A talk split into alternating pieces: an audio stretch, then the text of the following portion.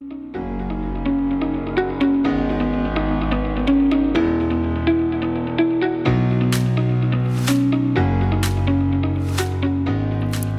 och välkomna till ett helt nytt avsnitt av Lifetalk-podden med mig Karin Haglund, kost och hälsocoach och min man Anders Haglund, transformativ mental coach. I den här podden får du svara på frågor inom personlig utveckling och mental hälsa. Hur du lever ett bättre liv helt enkelt, inifrån och ut och blir den bästa versionen av dig själv.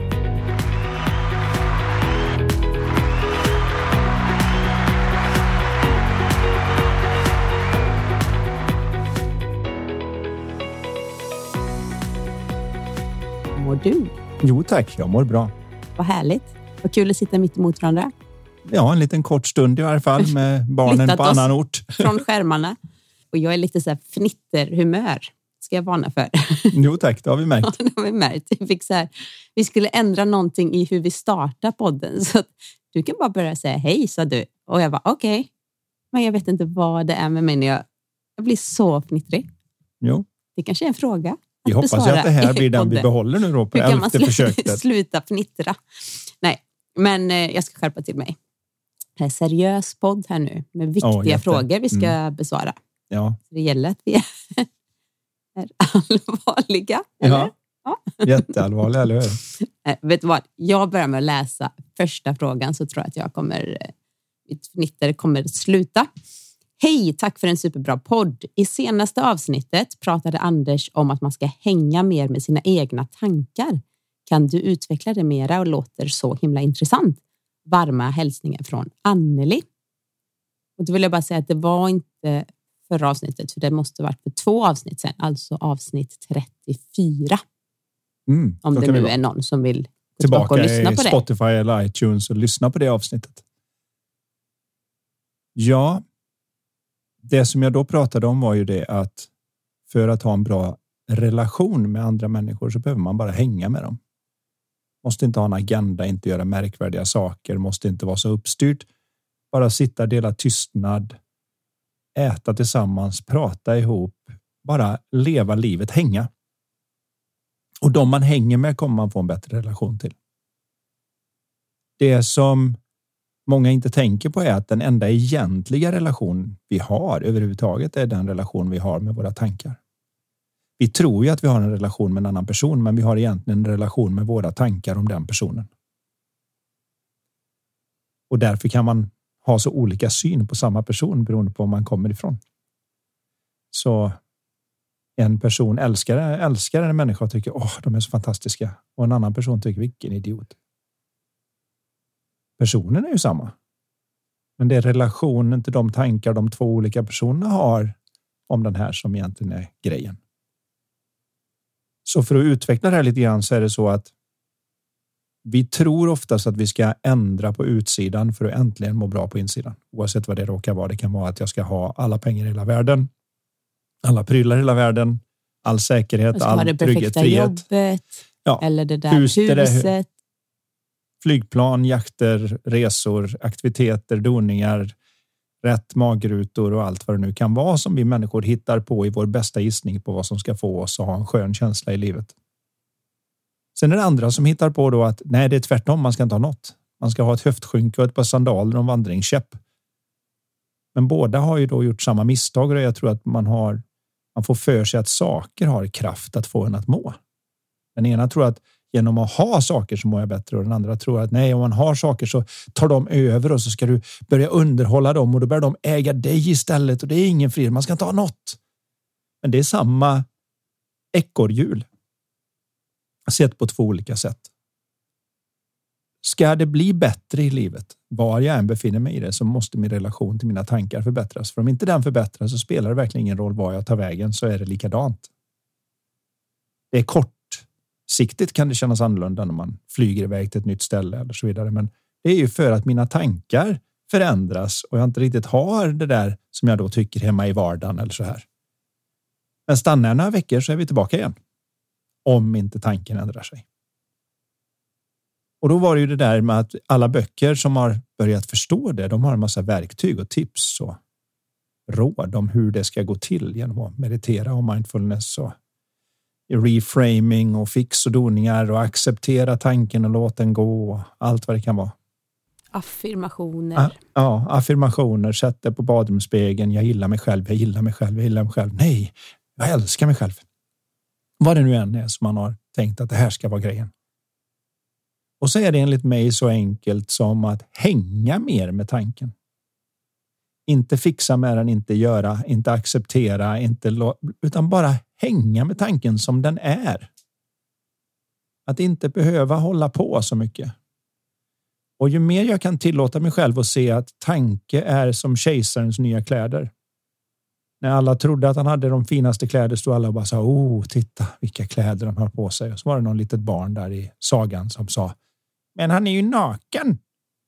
Och plötsligt så såg alla vuxna det också. Så han har ju kläder på sig. Här har vi bara gått och trott på en grej. Och vad sagan försöker säga där är just det här med trossatser och annat. Men vad jag vill få ut av sagan är att vi har tanke mellan våra öron som är precis som kejsarens nya kläder. Det är det mest kraftfulla som finns i universum vad vi vet. Man kan ta ingenting, tänka på ett hus och samla resurser och arkitekter och vad som behövs och så står det ett hus där. Det var bara en tanke mellan mina öron och sen så tog jag och manifesterade tanken i verkligheten och nu står det ett hus där eller en bil. Eller, eller en låt. Ja, eller, eller en tavla. Något kreativt. Vad det nu än är så kan vi ta ingenting och göra någonting med det. Därför att vi äger den här kreativa kraften i tanken. Men i samma ögonblick som vi ser igenom vår egen tankebluff och ser att det är faktiskt bara en tanke. Och den kan inte göra någonting med mig utan att jag skriver under på den. Och skälet att vi skriver under på våra tankar är oftast att känslan som kommer med tanken kan vara obekväm och ju obekvämare den är, ju mer kämpar vi emot. Och ju mer vi kämpar emot, ju mer problem får vi. Så jag pratade faktiskt med en klient här bara senast där han berättade för mig det att när jag började med våran coaching så hade jag en idé om att om jag bara kunde sluta tänka de här tankarna, om jag bara kunde tänka mer positivt och mindre negativt och de här tankarna försvann, då hade mitt liv varit perfekt. Så nu ska jag be Anders här om coaching. Och så när vi avslutade här så sa han det. Det som är mest förvånande är att du gjorde ingenting av det jag ville. Och det är ju bra för att jag vet ju att de flesta människor som har alla fingrar och tår på rätt plats är ju rätt smarta så att om de, om de verkligen hade den rätta lösningen så hade det redan varit löst. Om det, om det de trodde var det som skulle hjälpa hjälpte så hade de inte behövt komma och be om coaching för då hade det löst sig redan. Så jag vet ju att det är det som är själva problemet, att de har satsat på den här idén att jag ska försöka distrahera mig, inte tänka på det, låta bli. De har säkert försökt många olika saker innan de väl tar steget att okej, okay, men då då får Anders, han är ju jättebra på det här. Då liksom investerar jag tid och pengar i att han får hjälpa mig. Ja, och då vad jag gör oftast är ju att jag vill ha en mänsklig konversation om att det är de som har lösningen. Inte jag som stoppar in något nytt, utan det är mer att vi tillsammans avtäcker att de redan funkar. Och det enklaste sättet att upptäcka hur bra man funkar är just att hänga med sin egen tanke. Vi hänger alldeles för lite med tanken är så mycket att fixa och dona med i vardagen så jag förstår vi det. Vi distraherar oss tror jag också väldigt mycket idag. För vi kan göra det. Vi lyssnar ja, ja. på poddar. Det är vi glada att de gör just nu, eller hur? ja, det är vi väldigt glada att. För det, men bara Lifetalk-podden, hörni. Nej, jag ska bara. Nej, men det blir lätt att liksom väldigt mycket input, input, input. Och då blir det inte lika mycket tid för att bara vara, reflektera och komma fram till egna kreativa lösningar. Mm. Det finns en massa eh, saker som det känns som man borde göra, men det är just det här att det är, ju bättre du förstår det, ju mer är det ett icke-görande. Där du ser att jag funkar som jag ska. Det är lite som en princip som jag brukar använda mig av är ju gravitation. Det var först Sir Isaac Newton och sen Albert Einstein. De hade lite olika idéer om det här och vi kommer närmare och närmare vad det faktiskt verkar vara. Men det är inget fel på gravitation bara för att vi lutar oss för långt ut genom ett fönster och ramlar ner. Är det högt nog upp så slår vi ihjäl oss. Gravitation är inte elak för det, den bara är där. Den bara funkar så som den funkar. Så det vi behöver är att ha ett bättre förhållande till gravitation där vi börjar förstå att nej, du kan inte hoppa ner från den här höjden för det är för högt. luta dig inte ut, över, ut genom fönstret. Det är, det är bara dumt. Titta ut gärna. Du behöver inte vara livrädd för höjd bara för det. Men gör inte dumheter. Luta dig inte ut så långt att du kan trilla ut. Samma är det med principen bakom att det enda förhållande vi har är en förhållande med vår egen tanke och det är att tanke är där och fungerar precis den ska. Men om ditt förhållande till den hamnar fel så du inte börjar se att du tänker så du nästan aldrig kan se att det är kejsarens nya kläder. Då kan du hamna på en mental institution för att du är schizofren och inte kan sära på fantasi och verklighet längre. Du vet inte vilka tankar du har hittat på och vilka som korrelerar med utsidan och verkligheten. Och då blir det lite jobbigt. Lite som att drömma på natten fast ja. man gör det på dagen och inte vet att. Ja, jag vill påstå att de flesta drömmer en massa även på även på dagen, men vet inte om att de går och drömmer för det är så svårt att tro att man drömmer när man är vaken. Mm. Men, men, men han, du, han du coachar nu då? Mm. Han eller hon, jag kommer inte ihåg. Men eh, du sa det att, att han hade sagt att jag fick ingenting av det som jag trodde att jag kom hit för att få hjälp med. Med det sagt då, betyder det att han hade fortfarande tänkte de där tankarna som han ville bli av med, men hade en annan relation till dem? Ja, han beskrev lite olika situationer i vardagen där han märkte att det var skillnad. Med barnen, där man plötsligt inte blev lika upprörd. Och de gånger som man blev upprörd så visste han att det här är ju som det ser ut när jag är upprörd. Inte att barnen har rört upp mig. De har inte stoppat in tjänster i mig. Utan relationen till min tanke om mina barn och att de beter sig respektlöst är det som är problemet. Vilket inte hindrar honom från att bli upprörd, men som hindrade honom från att när han gick därifrån så tog det bara någon minut så lugnade han ner sig och såg det annorlunda. Och så kanske han inte blev riktigt lika upprörd heller. Nej, för man skriver inte in lika hårt. Man börjar märka att det jag hittar på i mitt huvud och tror är så bestämt och nästan skrivet i sten, det är faktiskt skrivet i vatten. Vi har till exempel identitet som vi har en tendens att skriva in i sten. Jag är en sån här person. Och nästan alla bråk och krig i världen handlar om identitet, oavsett om det är jag är kristen och du är muslim och därför bråkar vi. Eller jag är höger och du är vänster och därför bråkar vi.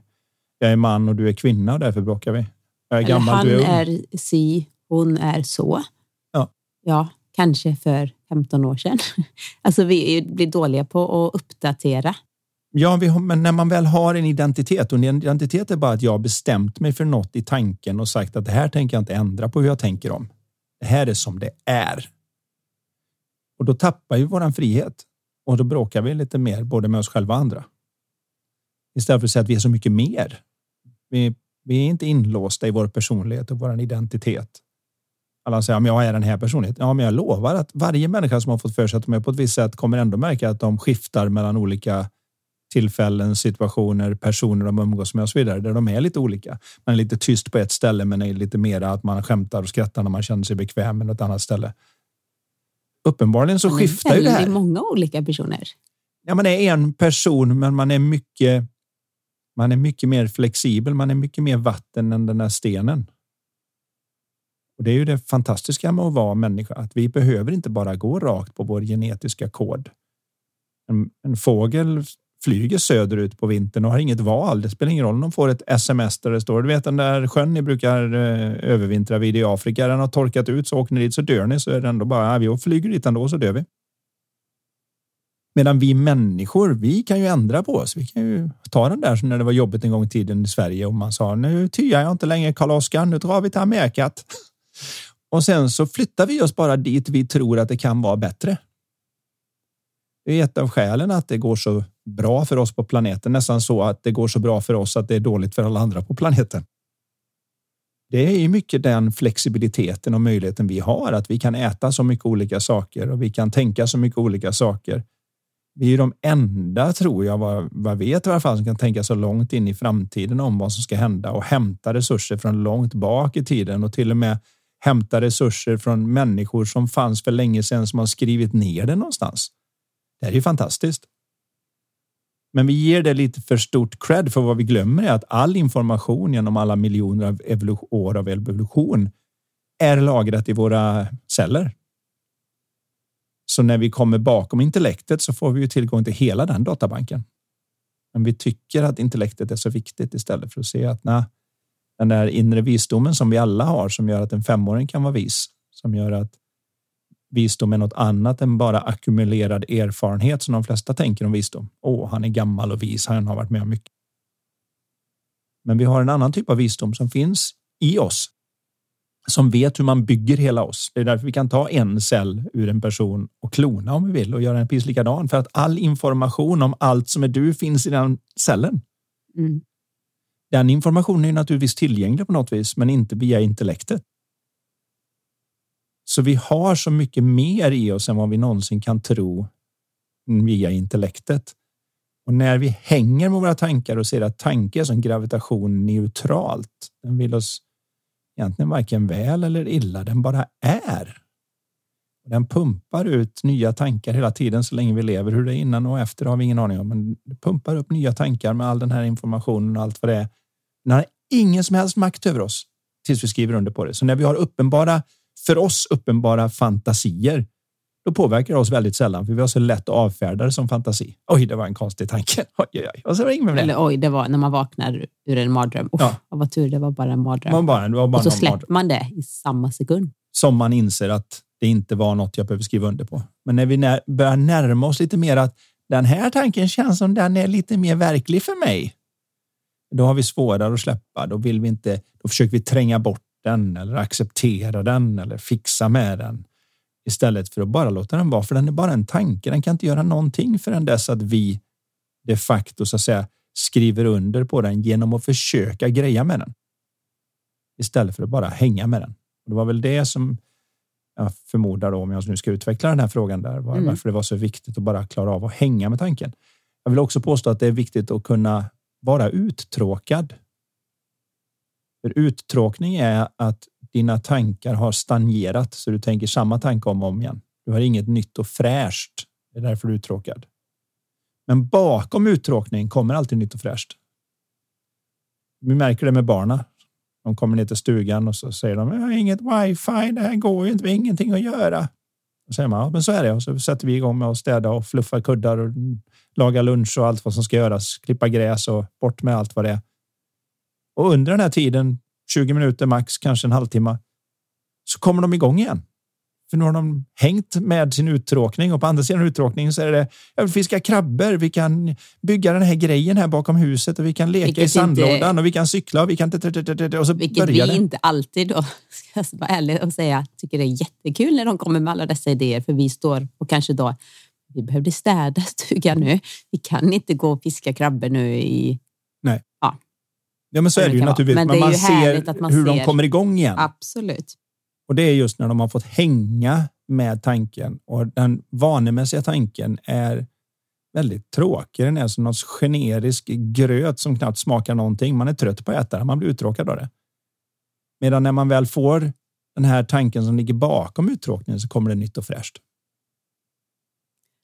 Väldigt bra sammanfattat, Anders.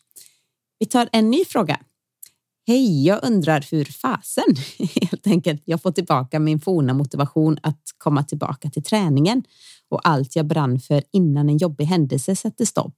Nu känns det som om jag sitter fast. Jag mår bra rent psykiskt, älskar livet just nu, men fysiskt punkt, punkt, punkt kommer inte igång. Era tips tack. Det här låter ju som en person som är van att vara fysiskt aktiv och gillar det mm. egentligen. Men så är det en eh, händelse som har satt stopp och så känner den här personen att kommer inte riktigt igång igen. Var är min motivation? Ja, det var det faktiskt lite spännande att veta vad den händelsen är för att det har lite betydelse i vilken form den har. Det kan okay. ju vara allt ifrån att jag gick igenom en skilsmässa och tyckte att hela min världsbild försvann och sen orkar jag inte ta tag i det och nu har jag fastnat i vanan och sitta och tröstäta och inte komma igång med träningen. Det kan ju också vara att man de facto har råkat ut för en skada i ryggen eller knät eller någonting som gör att jag inte kommer igång och har en annan typ av begränsning som är där. Eller att jag har en sjukdom som gör att varje gång jag tar i så bara det dunkar hela systemet och det är mm. annorlunda på grund av det. Så det är därför jag, händelsen i sig kan vara lite intressant. Men vad jag vill säga är ju det att när man ska skapa en vana, vilken vana det än vara månde, så är det så lätt att tänka att nu ska jag tänka hur jag ska göra det här helt perfekt från start. Men det viktigaste är att få dit vanan. Att på något vis starta upp vanan enkelt så att det är lätt att lyckas. Jag gjorde ju själv så här på nyåret, precis som alla andra som är i pandemin och man har barn och allt som ska hända runt omkring så blir det inte som det var förr när man har gymmet och man har någon kompis och åka dit och klockan åtta träffas vi och kör ett pass på en och en halv timme eller vad det kan vara. Den har man ju inte. Och då är det lätt att ramla tillbaka lite grann. Så jag tittar ju en hel del på mina egna vanor där. Och en av de saker jag gjorde var att jag gjorde upp en liten lista med vanor. Där jag skrev in då att okej, okay, varje dag ska jag göra mina armhävningar, mina situps, sånt som jag ansåg. Det här är minimum, men ganska enkelt att få till någon gång under dagen. Det, det kommer inte kräva och så allt mycket. behöver inte ske samtidigt heller. Utan nej, nej, det är inte ett pass. Du utan... kan göra armhävningar precis innan du går och lägger dig eller så gör du dem på morgonen eller på lunchen. Ja, ja. det händer ju att jag ligger och gör lite situps precis när jag ska gå och lägga mig bara för att jag hade missat att göra just dem. Men det viktiga är att först måste vanan dit, sen kan man optimera och göra den bättre. Och ett av de enklaste sätten att lägga dit den är att lägga den ihop med sånt som redan är en vana kanske inte tänker på det, men de flesta har till exempel tandborstning en vana. Den ligger någonstans. Då kan man ha det att tandborstning påminner mig om att nu gör jag 5, 10, 20 armhävningar beroende på var jag befinner mig. Kanske och sen två. borstar jag tänderna. Två Och kanske två. helt okej. Ja, det spelar ingen roll där jag befinner mig i min förmåga. För det coola är ju med oss är att vi är mirakelgörare så att även om vi bara kan göra två armhävningar som vi gör två varje dag innan vi borstar tänderna så dröjer det inte mycket mer än en vecka så kan vi göra fem. Sen dröjer det inte mycket mer än en vecka så gör vi tio och så dröjer det inte mycket mer än ett par veckor till så gör vi plötsligt 20. Fördelen om man är en person som har tränat mycket innan så är det ju som att kroppen svarar ännu bättre på träning när vi väl kommer igång igen. För det finns ett minne i muskelcellerna, i nervcellerna som gör att om vi bara skyndar lite långsamt och undviker att jämföra oss med hur det var innan den här händelsen, när vi var som kanske mest vältränade, Mm. utan tillåter oss att vara där vi är just nu och skapa liksom träningsupplägg eller ja, utifrån. Jag var ju för väldigt många år sedan ute på Hawaii och sprang med världens bästa ultramaratonlöpare. Han heter Stu Mittelman som skrev en bok som heter Slow Burn. Här pratar vi 90-tal. Och när vi var ute och sprang och så där så ställde jag också frågan till honom. Hur började det för dig? Då tänker man ju någon som hade han sprungit 160 mil på 11 dagar, tre och en halv maraton om dagen, 11 dagar i sträck och var helt okej okay efteråt. Hur går det ens till? Och då sa han det att han hade upptäckt att han satt hemma på soffan, klarade inte av någonting. Så han satt sitt första mål att gå ut till brevlådan och tillbaka, hämta tidningen. Han hade inte gjort det på ett tag. Hade fått en ryggskada, hamnat fel mest. Där. Och sen så tänkte han, men när jag nu kommer ut och det börjar gå bra så ska jag gå bort till hörnet av tomten i alla fall. Och sen runt kvarteret och sen där. Och sen så plötsligt så började han springa. Och det gick bra. Och sen sprang han längre och sprang han längre och sprang han längre. Och sen tog det väl då vad jag tycker kanske lite väl abnorma former så han sätter världsrekord i vad man klarar av att springa på tid. Men det började alltså med viljan där man såg att nej, nu är jag så långt ner i den här mörka gropen. Nu får du ta tag i dig själv. Ibland så kräver det att vi når ner i botten för att kunna stoppa ner fötterna och stampa av upp mot ytan igen. Mm. I hans fall så var det alltså det här det började med att kunna ens gå och hämta tidningen med brevlådan 20 meter bort och 20 meter tillbaka. Det hade ju kunnat vara som så att den här personen då istället för att gå till brevlådan bestämde sig för att ja, men jag går ut och springer fem kilometer och pinar sig. Mm. Kommer hem med blodsmak, typ avsvimmad nästan, kanske spyr. Inte 17 hade han velat göra det dagen efter igen. Är man Och inte då blir det liksom sugen. lite stopp och så nej, det här är inget för mig liksom. Så det är, ligger så mycket i det du säger. Just att man börjar och gör det enkelt för sig själv att lyckas. Att man börjar fundera i de banorna. Vad kan jag göra som vore enkelt att göra? Jag tror jag skrev i, brukar skicka ut på mitt Instagramkonto en veckans morgonfråga. Jag tror en av de frågorna var där just. Vad är det enklaste du kan göra idag för att få chansen att lyckas med något? Och det kan ju vara så enkelt som att ja, men du vet vad, jag kan gå upp och så dricker jag en halv liter vatten det första jag gör på morgonen så jag återställer vätskebalansen från det jag har förlorat ner i kudden och madrassen och i täcket. Eh, ungefär en halv liter man avdunstar under natten. Och då behöver man återställa den. Det kan vara så enkelt. Tillbaka med den halvlitern så jag är lite i balans vätskemässigt. Det gör mycket mer skillnad än man kan tro, men det är, det är en start. Okej, okay, gör det. Och sen lägger man till när jag har druckit mitt glas vatten, då ska jag gå en sväng runt huset. Nu är det vatten och en sväng runt huset. Och om man lägger på lite grann så där till den där vanan så efter några månader så är det ju någon som tittar på det och säger åh, hur orkar du göra allt det där? Men det har aldrig varit en upplevelse av att det har varit så jobbigt för det läggs till lite grann i taget. Precis som en bebis lär sig att först börjar jag försöka komma upp med huvudet och sen försöker jag sitta upp och sen försöker jag kravla mig iväg en liten bit och sen så börjar jag krypa och sen så börjar jag stå och så börjar jag gå och så börjar jag springa. Och så plötsligt så har vi en massa människor som kan springa, som kan springa iväg. Det är därför Alla. det kallas baby steps, tänker ja. jag. Ja, det är ju det. De är väldigt bra på det. Man ser hur livet funkar och inser att jag får ta det ifrån vilken nivå jag än befinner mig på och komma igång med det jag kan göra så att det blir lätt istället för att oh, jag kan inte göra det, jag kan inte göra det. Ja, men vad kan du göra då?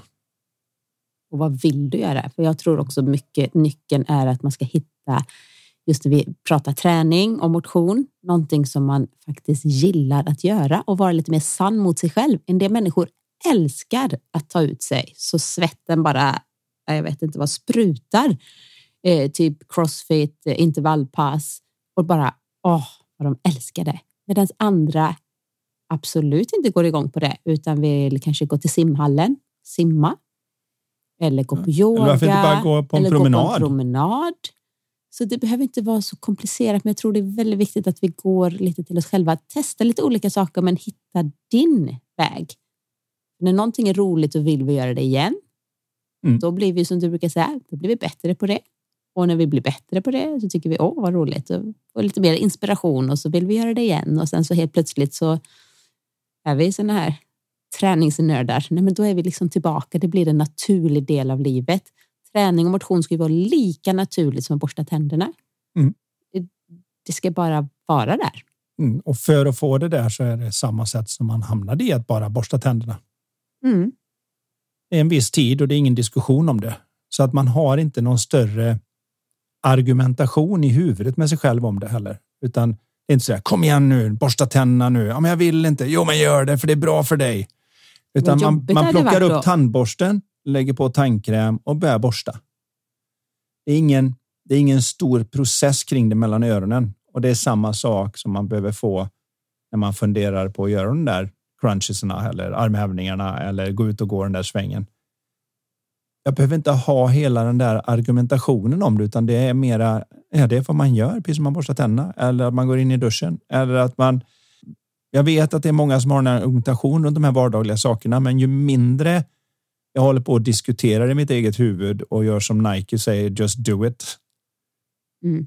Och för att kunna få det till en just do it så måste jag börja med någonting som för mig där jag befinner mig är just do it. För börjar jag med ett stort pass, ja, då är inte det bara en just do it. Det är ett projekt när jag ska börja. Så ta något enkelt. Ja, jag skulle kunna göra tio armhävningar, men jag gör två. Ja, jag gör de två då. Du kan inte ana hur stor skillnad det blir om du väl kommer igång och får det gjort några steg i taget och sen adderar. Så som sagt var, först handlar det om att få vanan på plats och efter att man har fått vanan på plats så kan man börja att förbättra och optimera. Men den måste först finnas där för att det ska gå att göra någonting med det. Jag tänker också det att vara lite snäll mot sig själv. I den här frågan så låter det lite som hur fasen får jag tillbaka min forna motivation? Mm. Nej, men okej, var lite, se sig själv och sin att man har tappat det lite med andra ögon. Alltså att man, det är så alldeles för många som är så himla hårda mot sig själva. Det märker jag så när jag kör min eh, online, min onlinekurser inom kost och hälsa och träning. Det är så vanligt när jag får, eh, när vi har dialog och frågor och så vidare, att just det här med att det är liksom piskan hela tiden. Mm. Det, det, är tufft klimat väldigt, mellan öronen. Så att var snäll mot sig själv. Jag vill säga så här till och med. Jag, jag har ju sagt det till hur många som helst att när jag har ett problem som kvarstår under en längre tidsperiod och jag fortfarande inte får till det utan det kvarstår. Då är vad jag än tror är lösningen är själva problemet. Och i det här fallet så verkar det som att den som ställer frågan tror att lösningen är att få tillbaka sin motivation. Vilket antyder för mig som coach, om jag hade suttit i ett coachsamtal med honom, att det är någonting i tanken på hur man skapar motivation och annat som är själva problemet. Och oftast är det misstaget. Och nu pratar jag generiskt, så det är inte alls säkert att det träffar just den här personen, men jag hoppas det träffar någon av er där ute. Och det är motivation är en yttre kraft. Jag säger inte att det är något fel på den, men den är yttre skapad. Själva ordet motivation kommer ju från att motivera och att motivera handlar om motiv. Så när vi söker efter någon som har mördat en annan människa så söker vi efter vem hade bäst motiv. Och nästan alltid så handlar det om pengar, makt och kärlek för oss människor. Och är det inte pengar, makt och kärlek så är det oftast någon som är knäpp.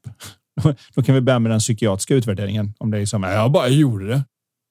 Då, då får vi ta ett annat snack. Men oftast när det har hänt någonting så är det för att någon tjänar pengar, någon får makt eller någon får kärlek som de känner sig försmådd över eller att de tror de ska få. Tillräckligt starka motiv kan få en människa att mörda en annan människa.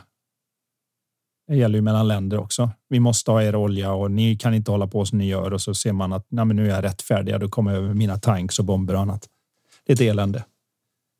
Så motivation är något yttre som man hittar på för att ge sig själv ett motiv. Så då börjar man ofta titta i att ah, men jag behöver börja träna igen för att jag kan inte se ut så här. Eller jag behöver börja träna igen för att jag kan bli attraktiv eller för att jag ska känna mig energisk. Och så börjar man jobba på att hitta motiven.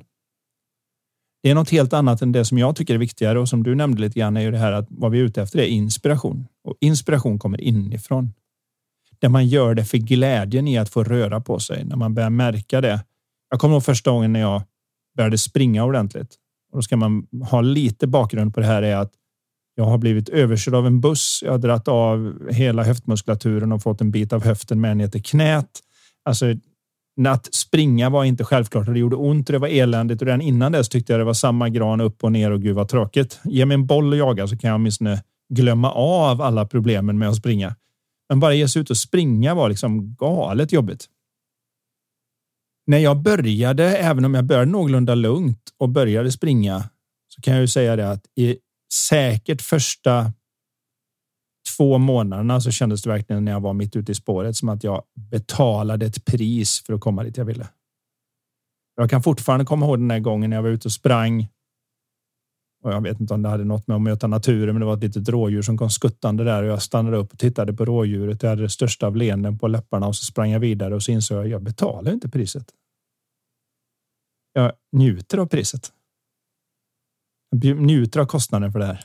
Jag betalar inte kostnaden för det här. Och därefter så är det något annat när man kommer från inspiration för att jag vill, för att glädjen i att röra på sig, att vara ute, att få använda sin kropp. Det är något helt annat. Man hamnar mer i linje med hur vi är skapta. Titta på en hund liksom som bara står där och kasta den igen, kasta bollen igen, kasta bollen igen. Jag vill springa. Spring. Kan du kasta, kasta, kasta? Förstår du inte vad jag säger?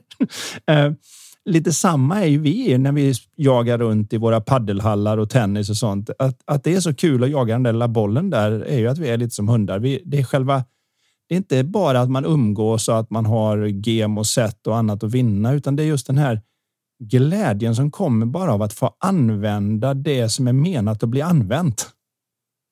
Vi är gjorda för att fixa oss själva via rörelse och när vi inte rör på oss mår vi inte bra. Det finns ingen som kan vara stillasittande under längre tid som mår bra. Astronauter som är kanske några av de mest vältränade människor som finns och går igenom alla hälsoundersökningar som går för att man kan inte skicka upp någon som har några problem när de har varit uppe på rymdstationen i någon månad, så när de kommer tillbaka till jorden får man ju bära ut dem på bår för att de har inte fått jobba mot gravitation utan de har varit tyngdlösa där uppe och då funkar inte kroppen längre för att den inte har fått något.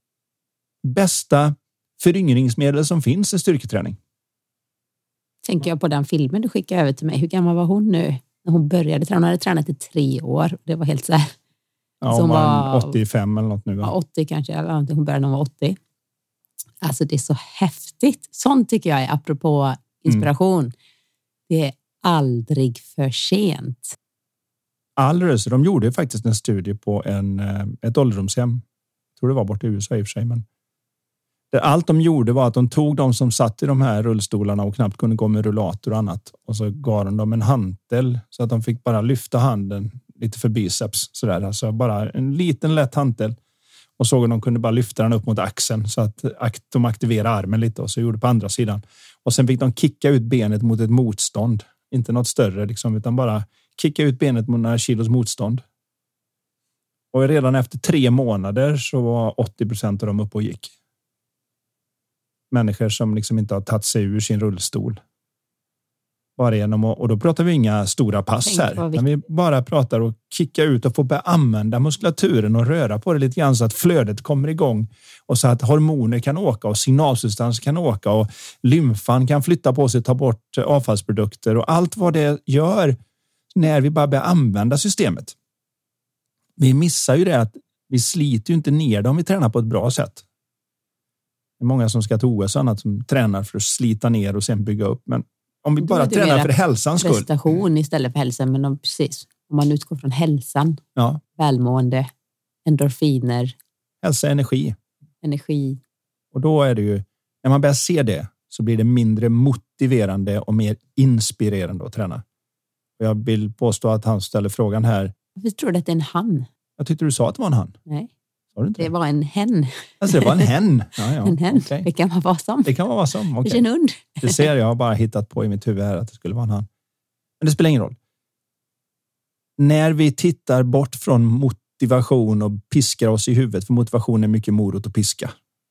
Om du gör det får du det här, om du inte gör det då kommer det här hända. Oj, vad hemskt. Oj, nu känner jag mig motiverad. Nu har jag motiv i båda ändar så att säga. Och det är inget fel på att använda motiv och motivera. Men om man har det som sin huvudsakliga brinnkälla så är det lite mer som tändvätska när man sprutar på när man ska på med grillen, att den flösar till. Men den håller inte i sig. Utan det, det är en grej att ibland kunna komma igång med när man verkligen inte har lust att diska och fixa med sånt där så kan man liksom kom igen nu för annars blir det så här och så, äh, och så får man det gjort. Och vi behöver ju det också lite då och då, behöver lite tändvätska kanske. Men det viktigaste är ju att få den där glöden i kolbädden och den glöden i kolbädden vill jag ju påstå är inspirationen som ligger där och värmer hela tiden. Fick du till det ordentligt? Oho. Väldigt bra beskrivet. Jag tycker vi tar en, en fråga till. Ja, Så här lyder den. En sak som jag undrar över och experimenterar med just nu är kommunikationen. Hur man öppnar fönstret för att kunna kommunicera på en djupare nivå med någon där båda får ett emotionellt och informativt utbyte. Det vill säga att när kommunikationen är färdig är båda parter berikade med ny tanke och information. Utmaningen är hur man synkar två olika tillstånd för att så att säga öppna fönstret. Kan tänka mig att det skulle kunna vara en relevant fråga som fler brottas med dagligen. Toppen om ni tar upp denna i podden, tack. mm. det här låter ju som en person som har studerat lite, läst lite böcker, grunnat Mm. bara på hur frågan är ställd. Det som man ofta säger och som är så viktigt när det gäller kommunikation är ju det att det är faktiskt så att vi har två öron och en mun. Och vi behöver lyssna mer. Men vad många tror om lyssnande är att det är motsatsen till att prata. Nu pratar du inte alls och lyssnar du. Men det är inte riktigt sant. Ett äkta lyssnande så låter man vad den andra personen säger skölja över en så som musik sköljer över en. Du sitter ju inte och bedömer musik för då slutar den att vara rytmisk. Du börjar säga ja, det är juxtapositioneringen mellan elgitarren och eh, synten här som gör att det blir ett bra beat. Om du börjar analysera det så att säga så försvinner glädjen. Men om du låter den bara skölja över dig så händer det något annat. Och i mitt fall så kommer jag ihåg att den största läxa jag fick om det var ju när min kära mor som alltid var den som höll ihop familjen var intellektuellt skarp. Vi hade många tävlingar om att springa och kolla vad ord betydde och allt vad det nu var. Men på slutet av livet så blev hon lite dement, vilket kändes för mig som att hon nästan förrådde mig, för jag hade ju en idé om vem hon skulle vara och så plötsligt var hon inte det. Jag hade svårt att hänga med när jag åkte upp och hälsade på när hon satt där på hemmet. Men jag lyssnade ju inte. Och när hon började försöka att berätta någonting så var ju korttidsminnet borta på något vis. Så det blev oftast historier för länge sedan. Och samma historier som jag hade hört tusen gånger innan på släktträffar och annat. Och jag stängde ner henne. Så coach jag var så satt jag där och stängde ner henne. Så hon berättade någon historia om hur jag var hemma hos hennes syster, alltså min moster och hon skulle göra kanelbullar. Och så hade jag stått jämte och sagt det. Ta mycket kanel på för det gillar min pappa. och den där gillar hon att berätta då, därför att det var ju ganska uppenbart att det var jag som gillade mycket kanel i kanelbullarna. Men jag använde pappa för jag tänkte att det var en högre makt att begära kanel med. Och när hon började berätta den där historien så stängde ner. Ja, ja, det var den där gången. Och så när hon började med någon annan historia så ja, ja, det var den där gången. Okay, så jag hörde vad hon sa och jag visste vad hon skulle berätta och jag skulle kunna ta ett prov på efteråt. Att här var din mamma berättade. Men jag hade ju inte lyssnat. Så jag fick eh, en relationsexpert borta i USA rekommenderad till mig av en av mina kollegor som jag jobbat med, Michael Neal. Han sa det här är den bästa jag träffat på vad det gäller det här. När jag tog upp att jag kände att det känns inte riktigt bra detta. Och när jag pratade med honom så diskuterade han just det här med vad är det egentligen att lyssna? Lyssna efter vad det är personen försöker säga. Och jag vet inte, det var någonting när när han berättade det så slog det ner som en bomb i mitt sinne hur hon försökte återknyta till kärleken. Som hon hade. Hon berättade inte de här historierna. Hon försökte, det var det lilla strå av minne hon hade som hon försökte få fram och hitta tillbaka till och tala om. Jag älskar dig, min son. Och jag vill ha den känslan tillbaka och jag har den inte i nuet. Jag kan inte komma ihåg vad som hände igår. Det jag har är det här. Och så börjar jag berätta den och så stänger du bara ner mig. Så jag kom dit nästa gång och hon började berätta samma stories om kanelbullar och allt vad det nu var. Och för första gången så lyssnade jag till känslan bakom. Jag har nog aldrig känt mig så nära min mamma. För första gången var inte berättelsen i vägen för känslan som försökte förmedlas. Så det var inga problem att lyssna färdigt innan jag var irriterad på det. Och i samma stund som man lyssnar på det sättet så finns det inte längre två som ska synkas. Utan man upptäcker att man är en.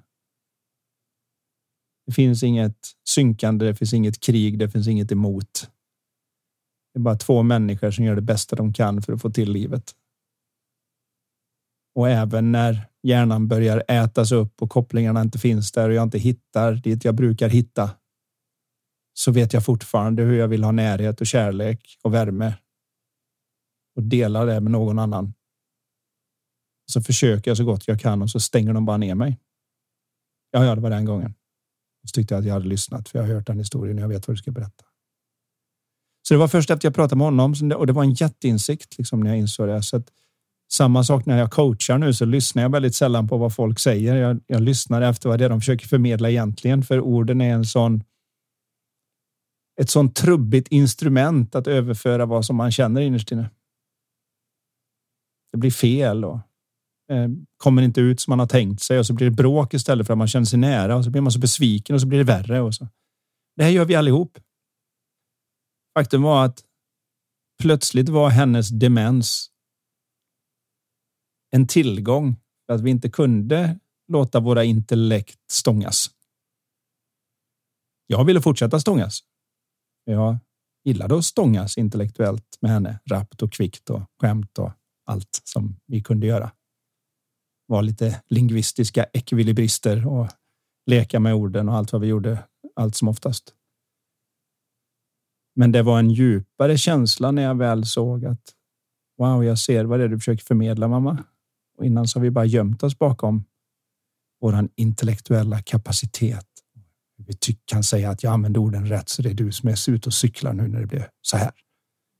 Istället för att faktiskt lyssna på att vad vi alla vill är att bara känna oss nära, dela livet, dela allt som är och känna oss, känna oss som att vi är ihop snarare än isär. Det spelar ingen roll vem det är med och när, när man ser det så har jag i varje fall upptäckt att då finns det ingen synkronisering som behövs av två olika, utan det räcker att en antar den stansen. Jag bryr mig inte om vad du håller på med, så tänker jag ändå lyssna vad det är du egentligen säger där bakom. Så smittar det väl liksom av sig också, så det blir till slut en enhet istället för ja, personer som kommer. Det är svårt att spela en negativ tennis om den andra inte slår tillbaka bollen. Om vi nu skulle anta att det är som en intellektuell tennis som faktiskt mm. gör att vi får saker vi inte vill ha så kräver det att en lägger ner racket och säger banka på du. Jag lyssnar, jag lyssnar lite mer efter träffen du hade i slaget och vad det är du är ute efter när du håller på. Och det är att lyssna, så man lyssnar efter vad det är som man försöker förmedla bakom orden snarare än att lyssna på orden som om jag ska ta ett prov senare och kunna upprepa vad de sa. Därför har jag lyssnat för jag kan säga exakt vilka ord du sa i vilken ordning. Och då menar du det här och säger du något annat så har du fel för det här var exakt hur det var. Och, ja.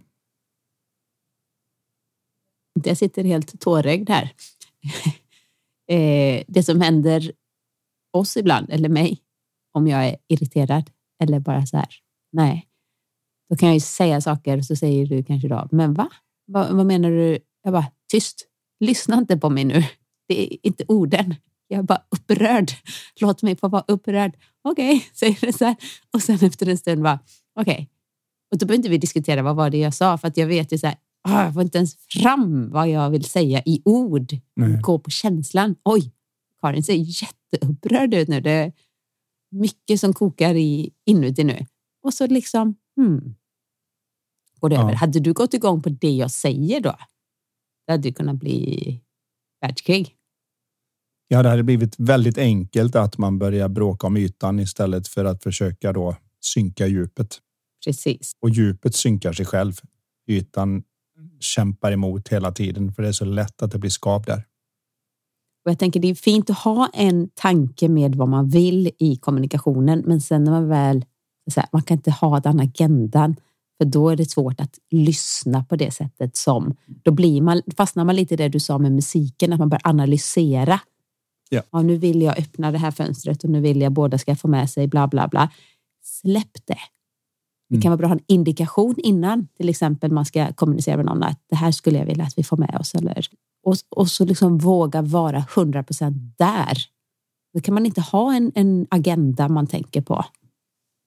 Nej, det kluriga är att klara av att lyssna utan att ha något särskilt som pågår mellan öronen själv. Det märker man ju om man väl börjar vara lite introspektiv och lyssna på sig själv hur otroligt mycket man bedömer och fixar överallt. Mm, tänkte du så? Men då är du så här och då betyder det det här och det går ju så fort så att man nästan oftast då inte är medveten om hur mycket man faktiskt håller på och bedömer och berättigar och fixar med. Eller kanske tänker, ja, men då ska jag säga det här.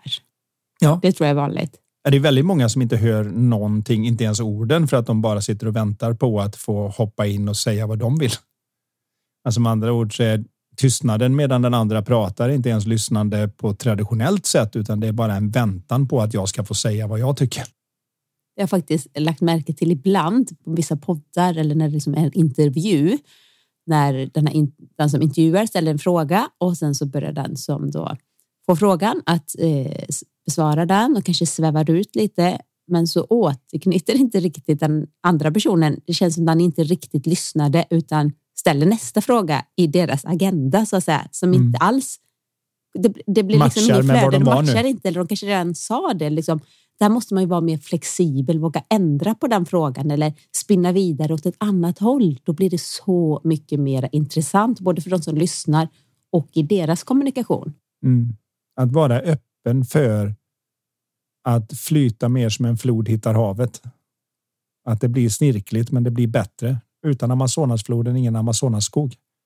Hade någon nördig ingenjör fått kliva in där och byggt en kanal så hade det varit två gröna strips ner till havet. Mycket bättre att det får organiskt röra sig och det är ju det de duktigaste intervjuarna är bra på. Att fånga möjligheten när det blir en tangent ut någonstans och säga wow, det hade jag ingen aning om. Men du, och så har de en fråga där mm. istället för att gå tillbaka till det här. Ja, men jag har mina fem frågor jag ska ställa här. Och, och då ser man inte gärna möjligheten som precis ligger bara och väntar och som är bättre än det jag hade planerat. Mycket bättre. Ja, men du Anders, så mycket bra och fina sammanfattningar du haft idag och dina metaforer som du alltid, om nu någon undrar, du kommer på i stunden. Det som jag sitter där, som jag har hört dig föreläsa jättemycket, alltså vi diskuterar mycket, så bara, mm, gud vad bra liknelse. Det blir så mycket nytt. Ja. Jag lyssnar ju verkligen nu. Jag mm, låter det översköljas, dina ord, oh, som musik i den här podden. Och nu eh, tänkte du avsluta lite, för nu ser ja. jag ett kort komma fram här igen. Nu är det dags att dra en fråga från vårt Lifetalk-spel som eh, Ja, vi har två olika Lifetalk-spel, men vi brukar avsluta podden med att eh, ställa en fråga som ni får filosofera över tills eh, vi hörs igen om två veckor. Och idag lyder frågan så här. Om du fritt fick skapa ditt eget drömjobb, vad skulle vara, viktig, vad skulle vara det viktigaste med det? Alltså om du fritt fick skapa ditt eget drömjobb, vad skulle vara det viktigaste med det? Vi har för första gången möjlighet att uppfinna hur vi vill jobba och säga att det här, här är, man kan gå till ett företag helt enkelt säga det. Du, eh, här är vad jag vill göra. Här är hur jag vill jobba. Här är vad jag kan bidra med. Kan jag passa hos er? Och då kan de faktiskt göra det.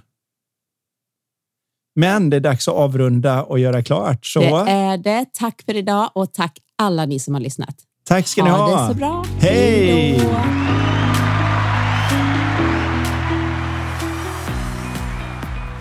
Du har lyssnat på Lifetalk-podden.